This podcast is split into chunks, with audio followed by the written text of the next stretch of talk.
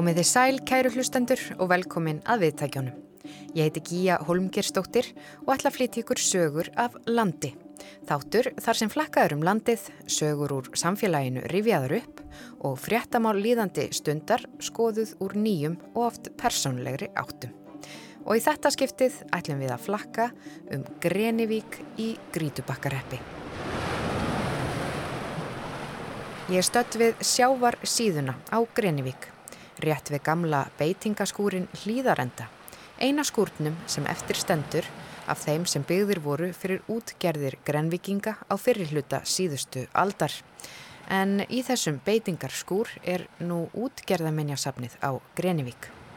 En ætlunin er ekki að staldra lengi þarna niðri við sjóin, heldur fara í heimsók til konu sem að ætlar að segja okkur frá sögu Grenivíkur og samfélaginu á þessu svæði.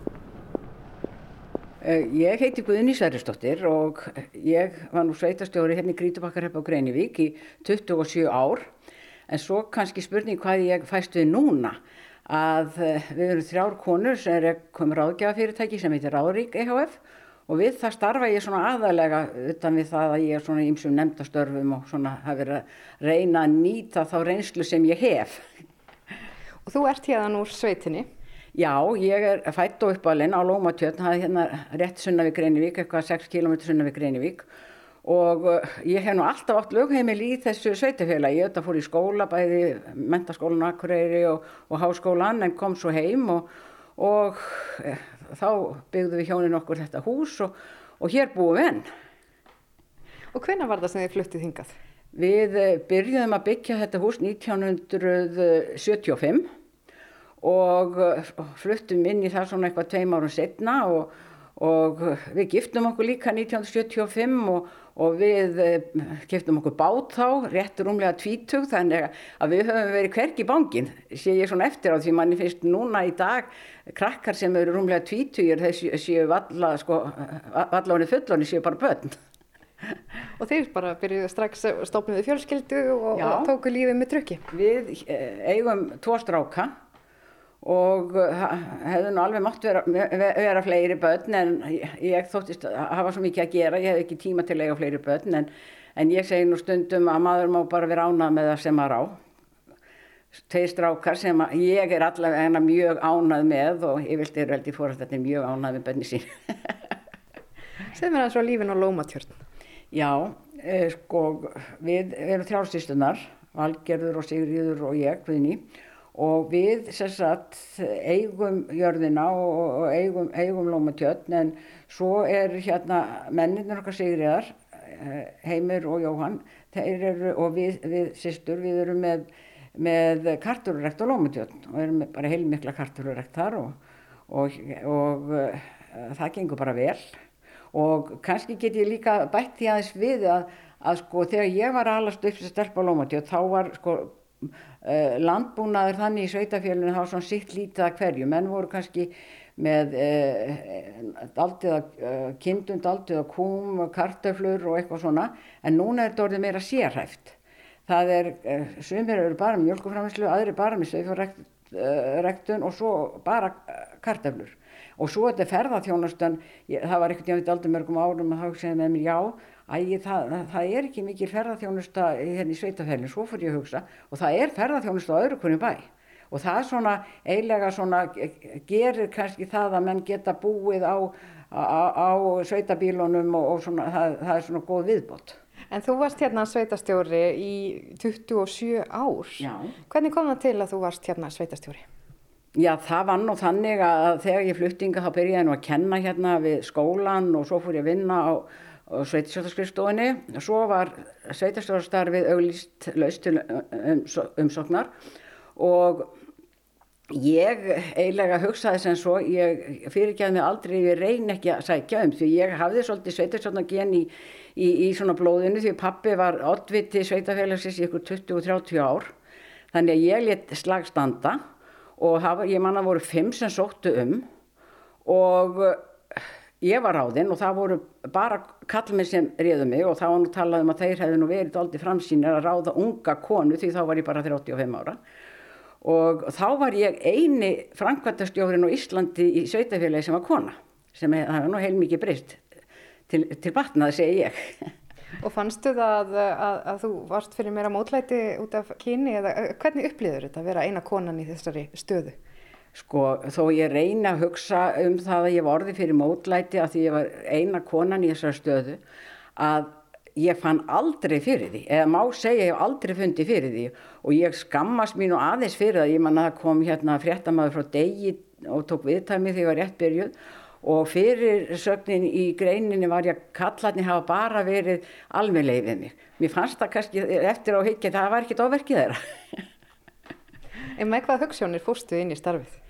Ég fór með þær hugssjónir held ég að, að bara að vinna sveitafélaginu til, sem best og reyna að horfa til framtíðar því ég segi maður þarf alltaf að horfa til framtíðar þegar maður er í svona, svona starfi og reyna þannig að, að sveitafélaginu myndi ekki nigna heldur það myndi sækja fram. Auðvitað hafa komið erfið tímabil og komið erfið tímabil þessi 27 ár sem að var svolítið erfitt að stíga yfir til mig eins og þegar fristúrsi fór í gjaldrót og svona.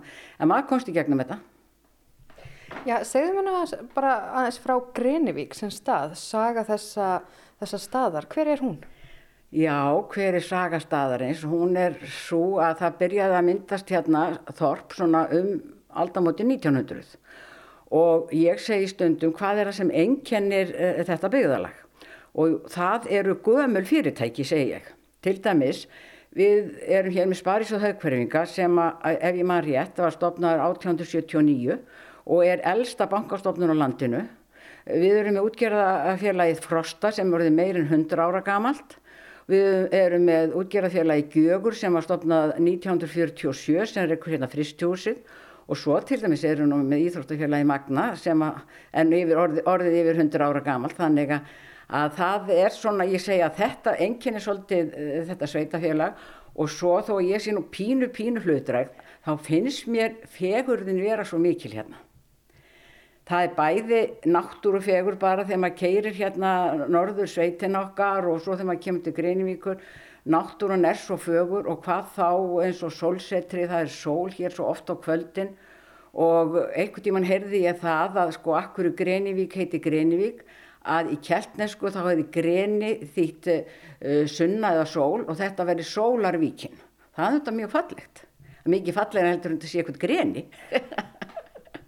Já, Sólarvík er fallegt já, og já. svo eru þið nú hérna með eitt af svona einkennisfjöllum eigafjörðar hjá ykkur, Kaldbakkin. Já, já, erum við Kaldbakkin og uh, auðvitað sko er hann svona, ég segi bara að við fáum mikla orku úr Kaldbakknum og, og að gerir okkur það sem við erum, við uh, fá, fáum orku og kjark úr Kaldbakknum.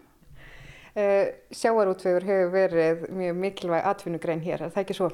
Jú, alveg þetta byggðist þorpið upp fyrst bara út af sjáurútvegi. Hér voru marga litlar útgerðir og, og þær hafa, eru svona færri og, færri og stærri en við þetta rekum þetta fristjúr sem er nú ekkit algengt í, í þorpum að þessari stærð og, og ég bara vona það að sjáurútvegur verði áfram svona ein af stóðum uh, byggðalagsins.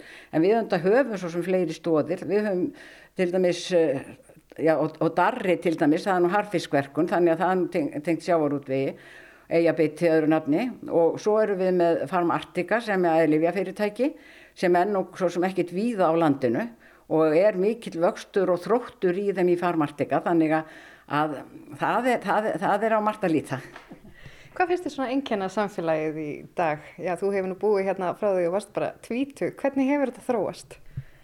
Þetta hefur þróast þannig að, að sko, ég, ég segi, sko það er alveg saman hvort það er sveitastjórin, sveitastjórnin eða einstaklingarnir, við þurfum alltaf, alltaf að horfa til framtíðar og, og ef við segjum bara það það er allt svo gott hérna í dag, við þurfum enga að breyta, að þá sko eftir nokkur ár þá verða bara hérna ellilífis þegar með fyrir virðing fyrir þeim og uh, hérna og, og sérst ekkit nýtt fólk hérna að á staðnum ekkit ungt fólk sem við þetta þurfum.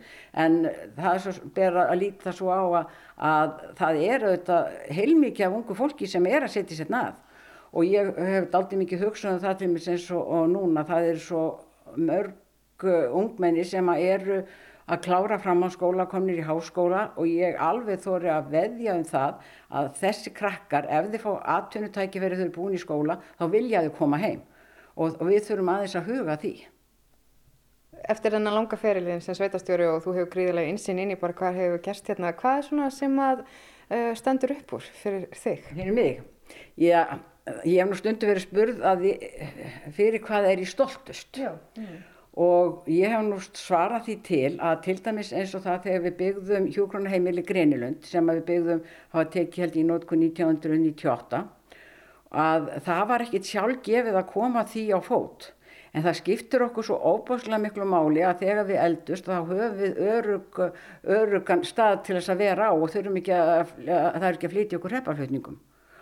Og svo hefur nú svarað því líka til að hitaveitan, hún skipt okkur alveg rosalega miklu máli.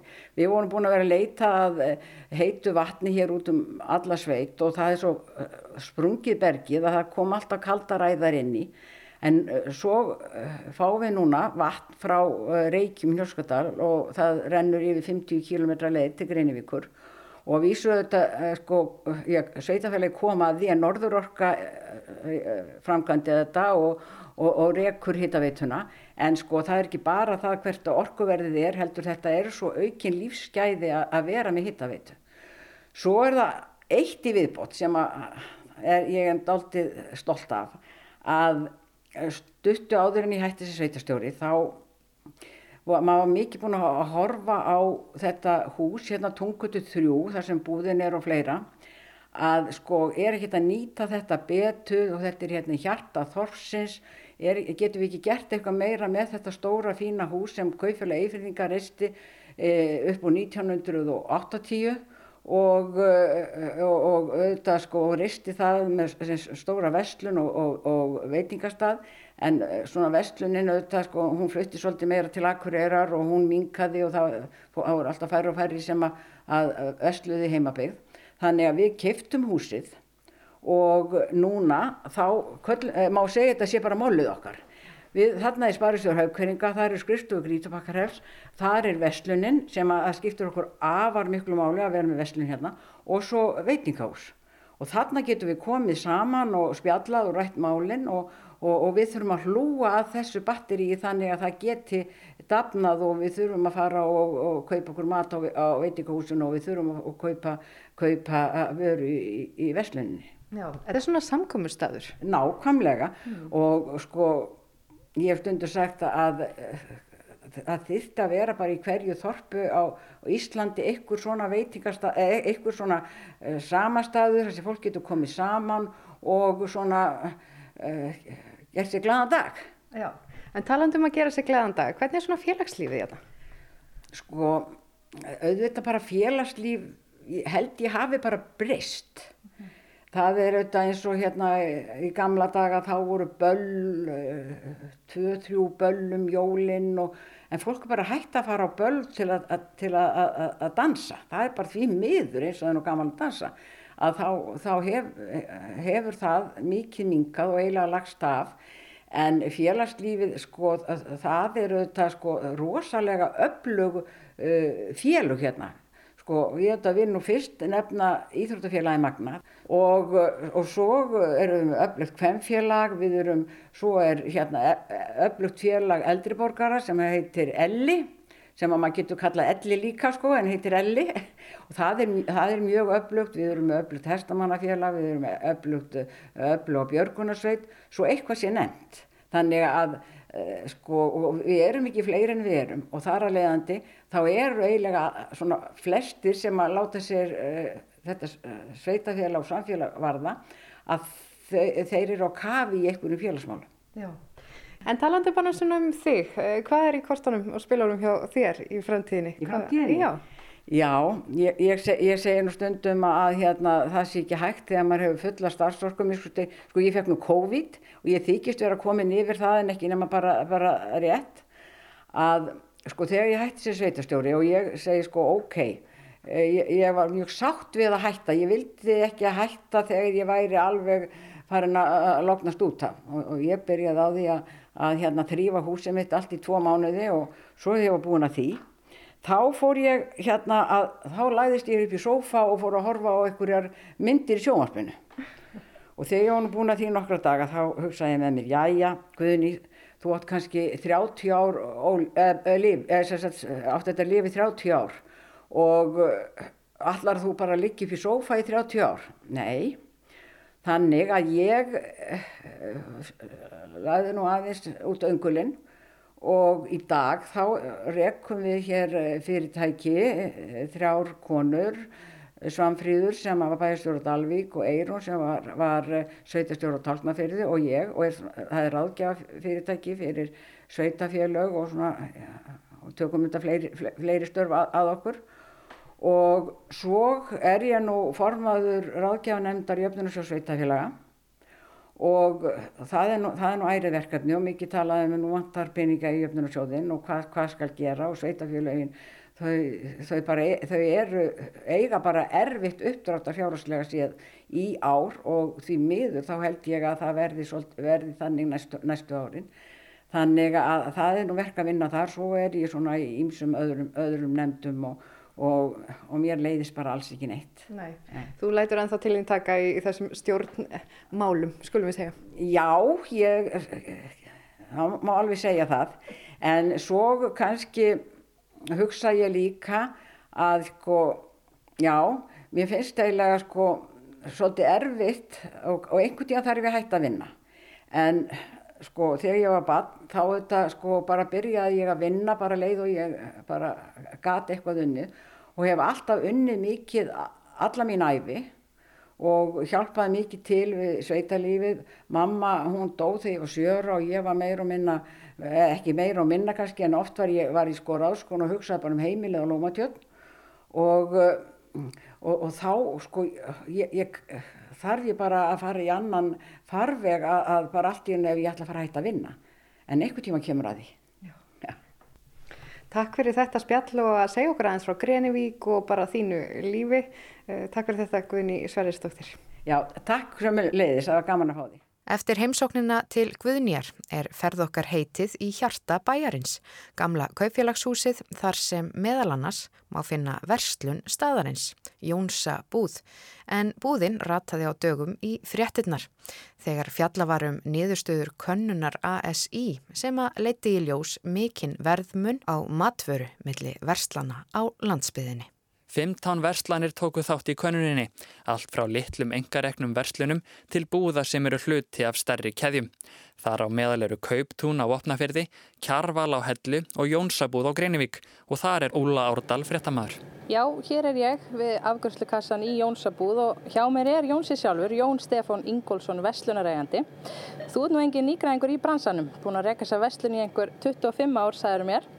Kemur þessi mikli vermunur á milli landsbyðavestlan þeirra óvart og hvað veldur? Já, þetta er 140% stolti mikið. Jónsi telur ástæðunar margar.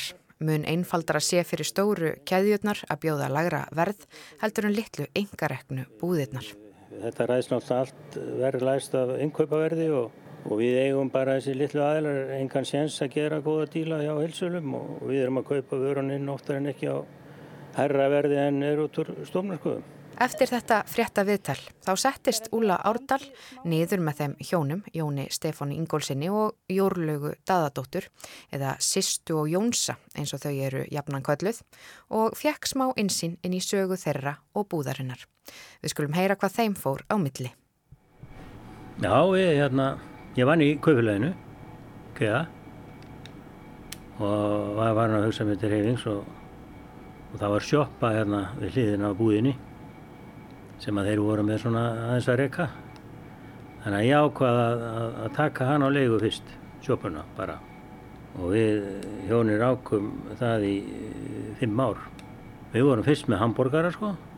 Og svo leiti pizzur og, og allt svona sem að sjópur hafa. Og þannig byrjaði þetta nú þannig.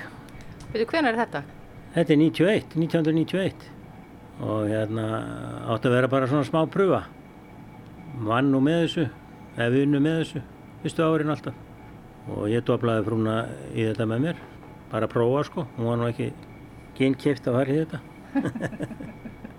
Nei, ég gætt bara ekki hugsað með þetta.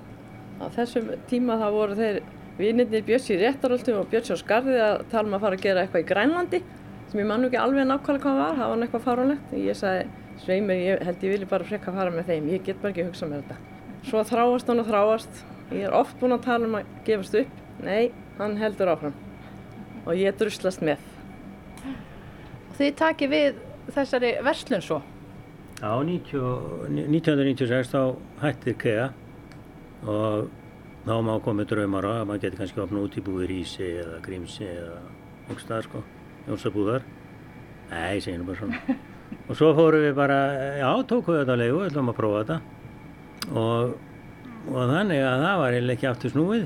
Það var nú, hefur alltaf verið erfitt, mikil vinna í kringum þetta og, og allt það. En maður hefur einst inni mjög gaman að þessu og En þú ert búin að vera í þessu, í þessum business miklu lengur en það ekki? Já, ég byrjaði 17 ára í kaupilvæginu. Dægin eftir sjómanudaginn. Grút timbraður. En það var alveg þessi virði. Og ég hef náttúrulega ekkert gert neitt annað síðan sko. Bara alltaf verið í búð. Og hvernig hefur þessi rekstu gengið í gegnum árin? Það komu svona góði kaplar í, í þetta. En svo hafa svona þeirra árin síðustu ár hafa verið mjög örfið. Bara eh, nánast stórmarkaðin, það er ekki nema hálf tími á Akureyri þannig að fólk fer bara mikið í stórmarkaðina þar. En ég á mína eh, tröstu kuna, fullorna fólkið, grítubakareppur hefur, hefur hérna verslað af okkur allt. Og svo er hérna eitt útgerað fyrirtæki Frosti sem ég verð nú að nefna sem að hefur verslað allt sitt í, í kost hjá okkur í gegnum tíðin og, og þeir hafa tekið með sér kost á Ísafjörð og, og, og Rólagsöfn tekið það við mér. Farið með með sér. Þannig að hér stendur fólk saman? Já, já, það, er, það stendur saman. Þannig laga, það, já, já, virkilega. En unga fólki er náttúrulega það er, það er náttúrulega verslar á Akureyri og, og sko skiljanlegt já, já, það er ekki hægt að bera saman stórmarkaði og svona litla búð, það er bara þannig. En við reynum að að mæta upp með, með góður í þjónustu og, og reyna að redda öllu sem hægt er að redda sko. Það þið að kannski þurft að redda fólki hérna eftir opnunatíma, svona sérstök þjónusta? Já, já, það, það var sérstaklega fyrst að þegar vorum að byrja þá fórum að rátti til okkur með að redda fólki en það hefur nú svona minkað mjög mikið síðan en við þetta var mjög sérstaklega tími núna til dæmis í COVID. Það vor, þá vorum við með heimsendinga þjónustu og það gekk, gekk bara mjög vel og, og mikið að gera og og maður fór með pókana og hrýndi dýraböllin og ljópi burtu og... en fólk var rosalega þakklátt og, bara svona eftir á ekki bara gaman að standa í þessu þó að COVID sé ekkit grín.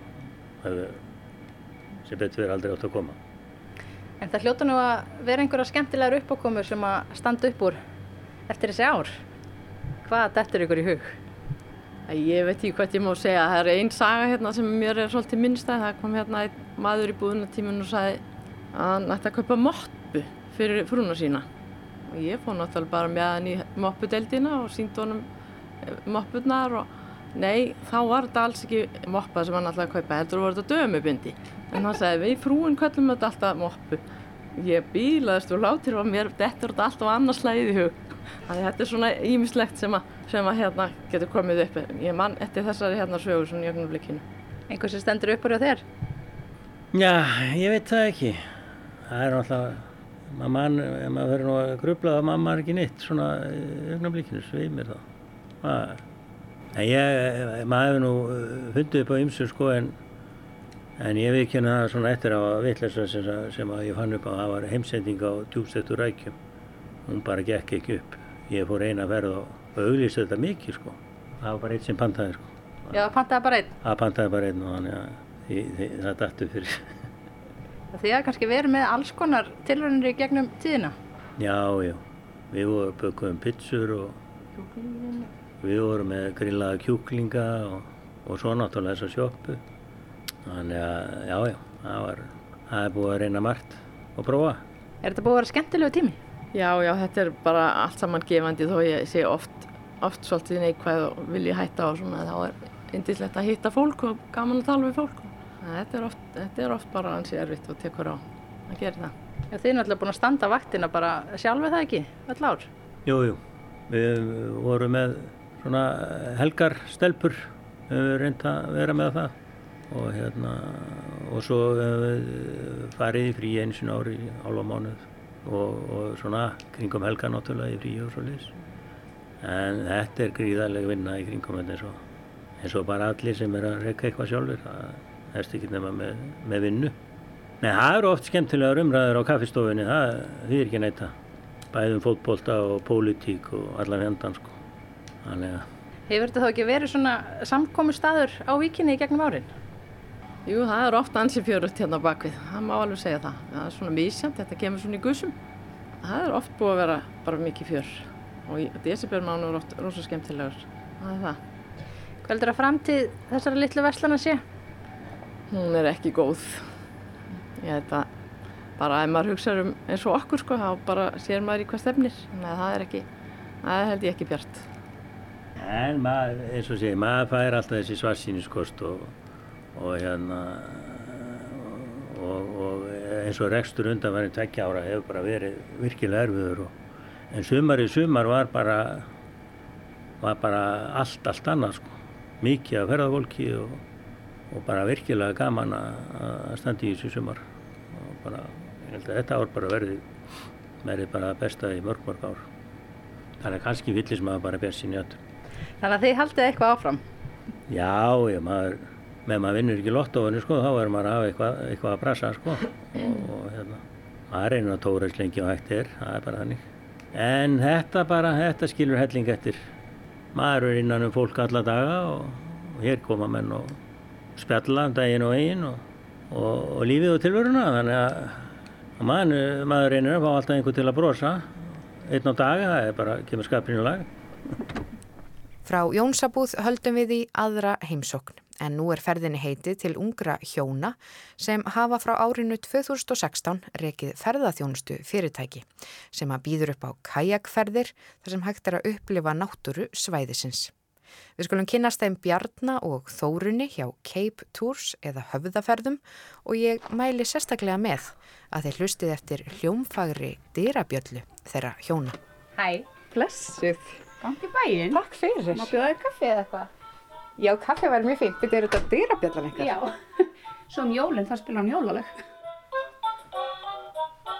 Ég heiti Þórun Indiana Lútersdóttir og ég er, er framleðslustjóri hjá Farmarteka hérna út á Greinvík. Ég heiti Bjarni Ararsson og ég geri mjög margt. ég syns að mitt allstarf er hjá uh, áhaldahúsinu í Grítubakarepp og uh, þar sinni ég svona því sem þarf að gera hverju sinni. Uh, áður ég kom hinga var ég til dæmis að reyka kindur. Annars hérna á sömurinn erum við að bara grassið og blóminn og, og, og það og, hérna og vetturnar er þetta aðalega snjóður og eitthvað og svo sinna viðhaldi utandira með því uh, sinni ég líka hérna viktunarstarfi á uh, höfninni og uh, er varaslökkuli stjóri í refnum líka. Og séum gámasvæðið. Svo hérna er ég umsönum með félagsmyndstöðarinnar líka. Og hérna já, svo skúraði ég leikskólan líka. Það er, það er svona líka partur af því sem ég geri.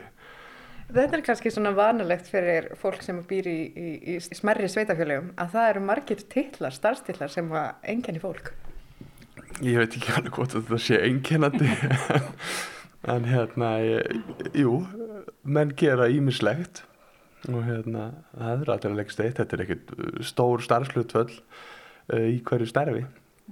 En ég held að einhvern tíma var þetta að rekna saman í, í 100 og 150 og eitthvað prosent starf. En þetta er fjölbreytt. Það er alveg. Svo sannlega, hvernig fyrirtæki er Farm Artika? Við erum tillu sem livja fyrirtæki og við framlegum sér liv, við erum með það sem kallast hérna, GMP-leifi og við erum að framlega fórskriftalif hérna lækna hjá okkur en við erum líka að framlega snirtverur og fæðbótrefni við framlegum okkar ein línu en við erum líka með sagt, verktakavinnu fyrir önnur fyrirtæki og erum að framleiða þá snirtuver og fæðbótrefni fyrir mjög mörg fyrirtæki hérna á Íslandi. Það kemur niður svolítið og óvart að svona fyrirtæki sé staðsett hérna út á Greinivík. Það er ekki það fyrsta sem maður hugsar. Nei, það er alveg rétt. Einhvern veginn svona fyrirtæki eru staðsett yfirleitt í stærri bæjarkjörnum, e, yfirleitt held ég bara í Reykjavík, en hérna þetta er náttúrulega fyrirtæki sem er sett á laginnar hérna af uh, livjafræðingum sem voru hérna á svæðinu og svo er þetta í eigu, sagt, hérna í rauninni á Grítbakkarheppur þetta þetta er dóttur fyrirtæki Grítbakkarhepp sem heitir Sænes sem að í rauninni kemur svo alltaf stað. Og þetta snýst og snýrist náttúrulega á sínum tíma um að koma af staðingur í byggðalæginu sem að hérna væri bara svona öðru sér atvinna hérna myndi krefast þess að við væri með fólk sem væri mentað líka þú veist til að hvetja fólk til að koma heim aftur sem hefði mentun og, og svo bara þessa fjölbreytni sko og það náttúrulega er nummer 1, 2 og 3 að halda fyrirtækjun hérna á sveiðinu og, og láta það stækka hér á dafna sem það vissulega er að gera Og hefur þetta kallað mikið af fólki aftur hinga til Greinivíkur sem að hefur farið og, og leita sér mentunar? Sko ég veit ekki alveg hvort að þessi vinna per se hefur gert það en það er ótrúlega sterk tengsl sem fólk verist hafa hérna til staðarins. Það er mjög mikið um það að fólk sem að bjóð hérna sem börn, það kannski fer í burtu yfir einhvern ákveðin tíma en það er að koma aftur til staðarins. Það er náttúrulega líka stutt að leita sér vinnu inn á Akureyri því sjáu að þetta er ekki náttúrulega 30 minnar akstur. Það er nú bara eins og búa í Reykjavík og og sækja vinnu hvað í hafnafjörðinu eða eitthvað skilur þetta er bara, þetta er ekki þannig langur tími sem tekur þau að fara í vinnu þannig að fólk er að nýta sér það að koma hingað, búa í, í litlu og, og þægilu og fallegu sveitafélagi og geta svo sótt sér jafnvel vinnu þá eitthvað annað mm -hmm.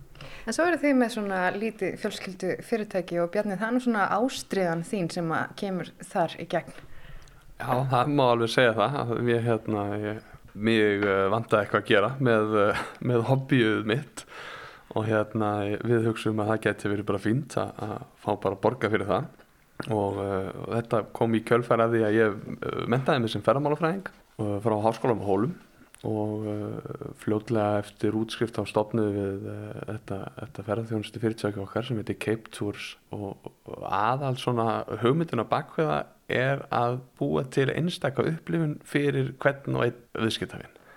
Þannig að ferðarnar okkar hafa ákveðin svona grunn til að byggja á, þetta byggist rosa mikið á, á, á því að sykla kajak eða kano en hver ferð er svo sníðin að hverjum og einum einstakling sem kemur til okkar. Og hvernig gekk sumarið í sumar? Svona, já, þetta hefur nú verið öðruvísi eða hvað? Sumarið sumar var öðru í sig heldur en uh, undanfæran ár uh, en uh, það var ekki það, það var ekkert endilega minna að gera heldur það var öðru í sig. Uh, undanfæran ár þá hefur okkar helsti viðskiptavinur verið, hérna, verið útlendingar náttúrulega og þeir voru hverki. En það sem gerist í staði var að það voru miklu fleiri fjölskyttuferðir. Þannig að það voru að koma og hópa bara íslenskum fjölskyttu með, með krakka með sér og, og, og maður var að sigla miklu meiri af svona stuttum og, og notalöfum ferðum. Já. það er svona helsti, helsti munurinn. Þannig að það var nóg að gera í rauninni í því. En kom þetta, fundið þið að eins og þetta hefði komið í Íslandingum og óvart að þetta, já, svona margir möguleikar í ferðarþjónustu væru í bóði sem að kannski þau vissi ekki af Ég held að það hefði komið fólki óvart uh, hvað okkur var þar, hvað það var hérna, var heimilslegt Uh, við erum ekki eins og uh, við erum ekki hefðbundna ferðarþjónustu fyrirtæki sem að tekur á móti stórum hóp hver einasti, einasti viðskiptavinur og hver einasti ferðir er prívat hjá okkur. Þannig að þú lendir aldrei í hóp með einhvern sem þú þekkir ekki eða passar ekki við eða, eða eitthvað svoleiðis. Og ég held að það, það hefði komið fólki á óvart sem kom til okkar að það kom með sína fjölskyldu og svo var það bara í sinni fjölskyldu og þau letu bara eins og, eins og þau láta innanborðs eins og maður getur sagt. Og hérna ég, og var, þetta er miklu meira eins og að fara út að leggja heldur en að þú setja að kaupa einhverja ferði á einhver fyrirtæki. Já, já. Og Þórin, er þú líka svona kajak manneskja? þú bara hlæri hlæri bara hérna, í, sko mér finnst þetta óbúslega gaman Bjarni náttúrulega ég ætla aldrei að fara að kajak á æfinu fyrir ég kynntist Bjarna og fyrst skipti mín voru bara í sundlög sem er bara mjög fínt að prófa það. En hérna, jú, nú fer ég á sigli með Bjarnar og hérna ég fer ekki með neina ferðamenn í ferðir sko. En ég fer bara að sigli bara mér til skemmtunar með bjanna og, og vinnum mínum sem að þóra að koma á kajaka því að sjórin er ekki alveg fyrir alla.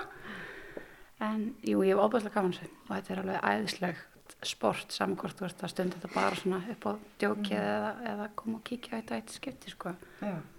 Þið kallið þetta Cape Tours, hvaðan kemur þetta nafn? Og ég svar því, það er hérna uh, ofan við Greinvík er uh, höfði sem heitir Þengilshöfði og uh, þaðan draugu við nafni þetta er sem sagt, uh, Greinvík liggur svona milli höfðans og hérna Greinvíkufjalls og, og þá vorum við komið með svona tengingu við okkar umhverfi og það var svona partur af því sem við vildum gera nafn sem virkar á, á íslensku sem höfðaferðir og virkar á ennsku líka sem Cape Tours. Og með beina tengingu bæði náttúrulega séð og, og menningarlega séð líka þar sem að sveitin utan við Greinvík er oft kölluð höðakverfi og við reynum að gera allt hérðan, ferðarnar okkar eiga, eiga oftast næri upp, upphafspunkt hér.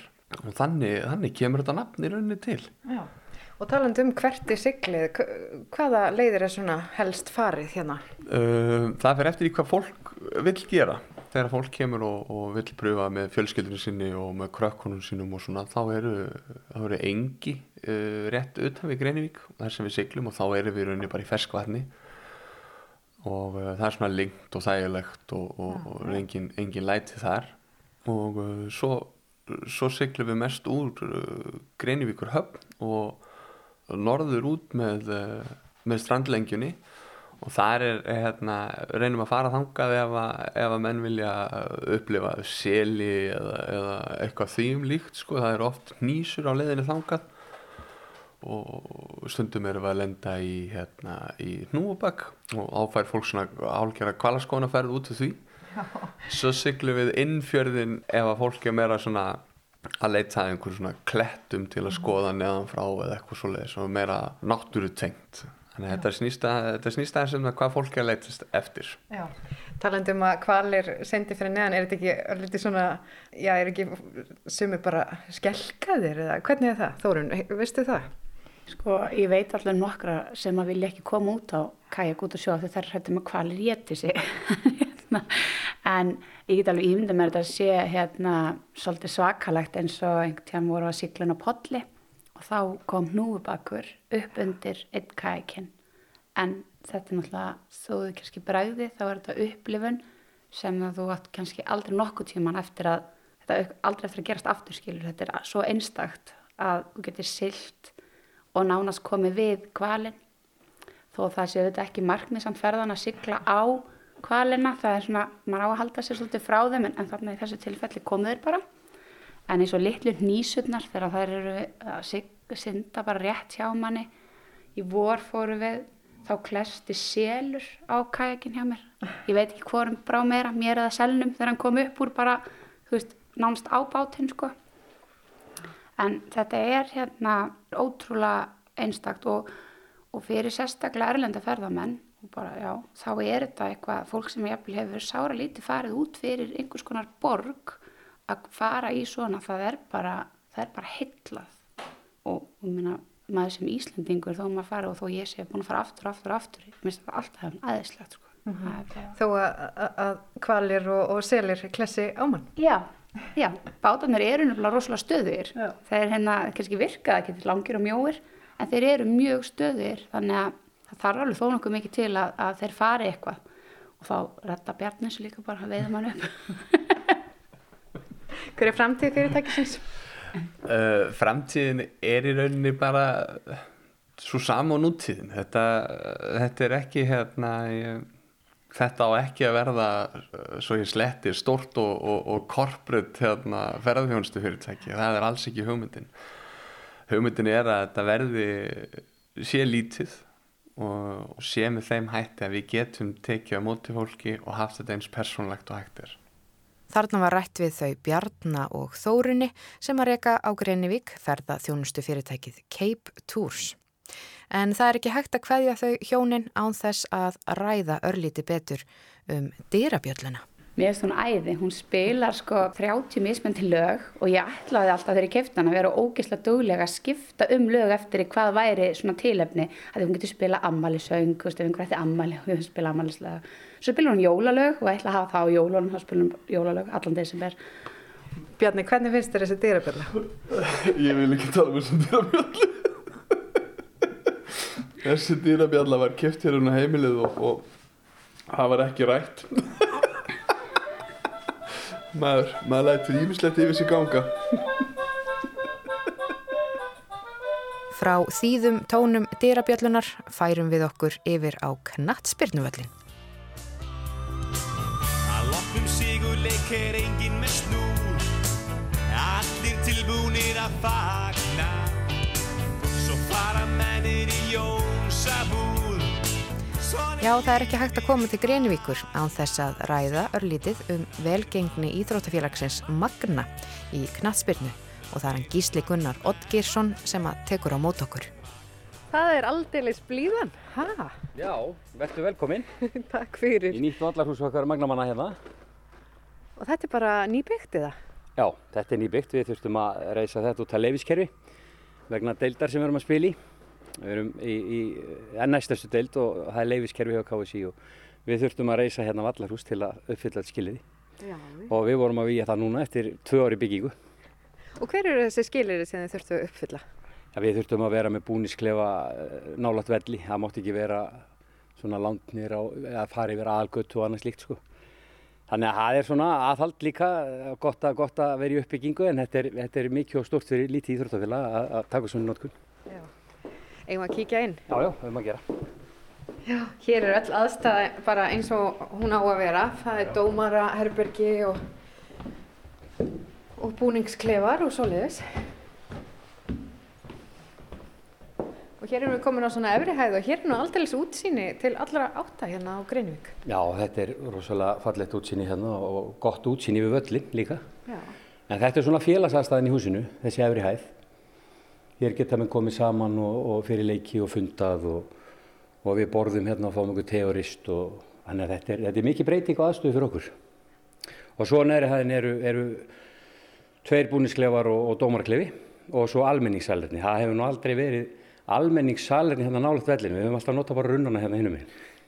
Þannig að það er nú framþróun. Já, það er góð framþróun að vera allavega konum með klósitt hérna þegar ég er áhöröndur. En svo sér maður þegar maður horfir hérna yfir hennar völl, þetta er glæsilegur völlur. Uh, hefur hann alltaf verið svona glæsilegur? Já, hann hefur nú verið svona misglæsilegur í gegn tíðina. Þessi völlur er búin að standa hérna síðan 1925 og það er nú ekki smá tími og við erum náttúrulega búið að taka endurbætur á hann mannarslægið en staðistu endurbæturna voru 2010. Þá reyðist við hann og tókum hann allan upp og hækkuðum hann og, og, og settum nýja þökur og hann hefur bara verið hinn glæsilegst í síðan. Gaman að spila á honum og, og lið sem að koma og heimsækja okkur, þau eru mjög ána. Já, svo eru, já, það er líka stúka, hún getur væntalega að teki flesta íbúa staðarins eða eitthvað? Já, við ákvaðum að hafa þannig að það er sæti fyrir alla íbúa hrefsis í stúkunni. En þetta er nú eitt af þessum leifiskerfis brasið sem við lendum í að við þurftum að vera með stúku fyrst við komumst í þessa deild og við byrjuðum á henni og, og fengum okkur hérna líka aðstöðu, sjoppu og, og fyrir blaðamenn. En þannig að aðstæðan hérna er glæsileg, það er ekki hægt að neyta því. Segð mér aðeins frá Íþróttafélaginu Magna. Sko, Magni er stofnað 1915 og það voru 16 stofnfélagi sem að voru, þetta var svona aðalega stofnað í kringum fótbolta á þeim tíma. Og svo náttúrulega bara stekkaði félagi alltaf og það laðist í dvala kannski einhver ár svona inn á milli. En óslítið síðan 1972 hefur Magni tekið þátt í deildakeppni í, í fótbolta sem er eiginlega svolítið afreika á svona litlum stað og það er náttúrulega bara frábært. En, en svo höfum við náttúrulega stofnað alls konar deildir innan félagsins, við höfum alltaf pröfað hitt og þetta. Og í gamla daga var handbólti millir 1930 og 40 svo var hérna skíðadild og við höfum verið með júdó og við höfum verið með frjálsar og, og, og fimmleika og hérna svo náttúrulega bortennis, við mögum gleyma því. Það var náttúrulega gríðalegur uppgangu þegar bortennis batterið var sem mest hérna herra Björn Níkolsson byrjaði það allt saman. Þannig að við erum svona búin að reyna ímislegt en fótboltinn stendur nú yfirlt alltaf upp úr og, og hefur verið svona okkar íþróttagrein til þessa.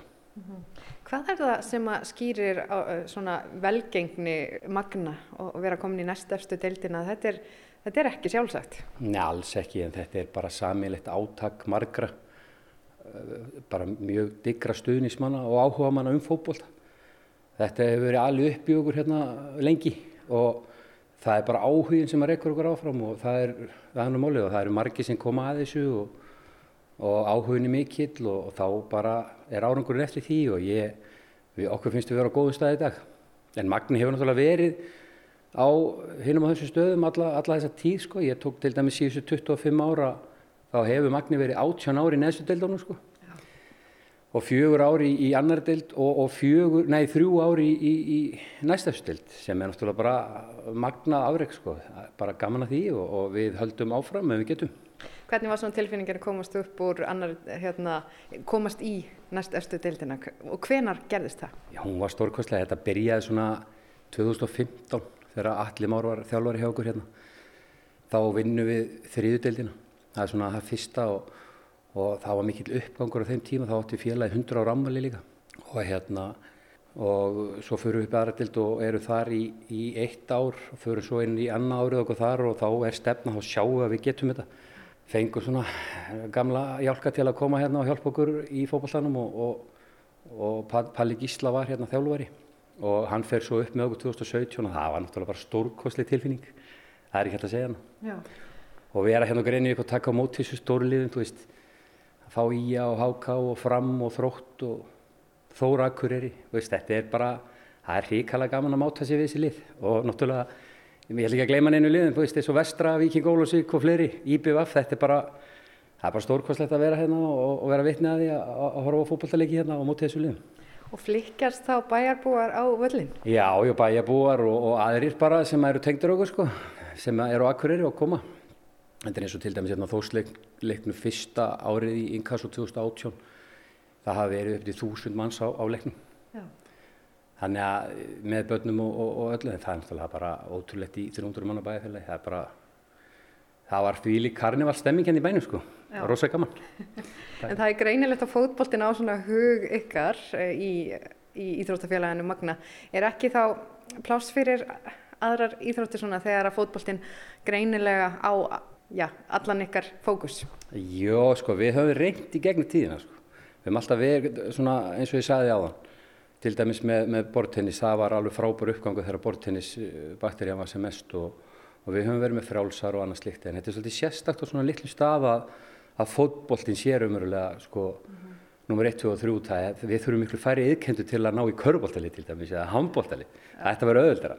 En fótboltin hefur alltaf verið bara svona þessi íþrótt sem að sem að hefur staðið upp úr bara alltaf og hefur eins og ég segi við deildakeppni samflitt í, í 48 ár er bara ótrúlegt afreg þannig að fótbollin er eins og ég segi okkar íþrótt Já, þetta er svona menningin ykkar bara. já, þetta er bara okkar menning og, og við höfum þrifist á því að fylgjast með fótbollta alltaf Uh, já, nálega með Akureyri hlýtur líka að hafa eitthvað að segja. Þið fáið spilara svolítið þaðan eða? Já, já, hún hefur mikið að segja og við þurfum líka að leggja okkur fram við að, að hérna, búa til góðar aðstæðar fyrir þessa stráka og, og ég held að stjórnarmenni Þóru Káa þeir sjá það alveg að þeir eru að senda stráka í, í topp aðstæður og, og hjá topp þjálfurum og, og þetta er ekkert nema gott fyrir þá að fá tækifæri með þessum liðum sem eru hérna í kringum akkur.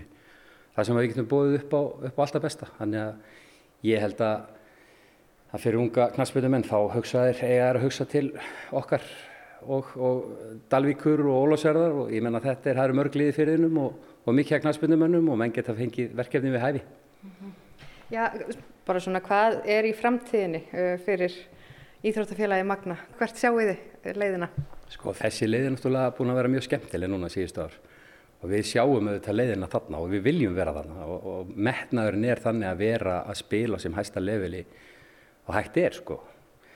Þannig að eh, stefnan er náttúrulega bara að halda okkur þarna og, og, og við eigum nú fimmleik eftir í deildinni. Þóttu séu neðstir að þá höfum við séð þetta áður, oft áður og hérna það er engin titringur á Greinvík en svo er þetta náttúrulega bara þannig að ég er nú búin að vera í stjórn Magnaði hátt í 20 ár og ég hef séð allt. Þannig að hvað sem gerist að þá eru bara haldið áfram á fullum krafti og ekkert slegið af. Nei, þið ætlið ekki að detta niður umdild. Nei, nei, nei, það er bara ekki sjens að við gerum það og við bara gerum eins og vannalega. Það er þetta Great Escape part 3 bara, það er bara svo leiðis. bara höldum áfram. Hvernig staður er Grenivík? Indislegu staður, bara frábær og ég, það er uppbygging að vera að byggja hús og ég bara hvet fólk til að koma og skoða fastegnir og, og, og hérna, þetta er ekkert mála að keira hérna á milli og þetta er ekki nema hálftími að keira fram og tilbaka og þetta er bara nútímin, komast já. í róliheitin og æðislegt að alveg börn hérna. Já, uh, núna er uh, já, landliðið á september og snjólínan nú komin ansi hérna neðarlega eða, eða hvað? Já, með að við að séu tveir heimalikir eftir að þá hérna þurfum við jafnvel að fara að kaupa appisýningula málingu bara svo við sjáum og vera með appisýningula bolta sko. En við höfum eftir að taka múið til nákvæmlega okkur í Þór og 3. oktober, við verðum bara að vona það besta að völlunum verði græn ekki kvítur það er nú, nú máli Þarna var rætt við Gísla Gunnar Oddgersson hjá Íþróttafélaginu Magna. Og þar með er flakki okkar um Grenivík í Grítubakkarheppi lokið og sögur af landi Kveðja. Tæknimaður í þessum þætti var Úlfildur Eisteinstóttir við þökkum þeim sem hlýtu lifið heil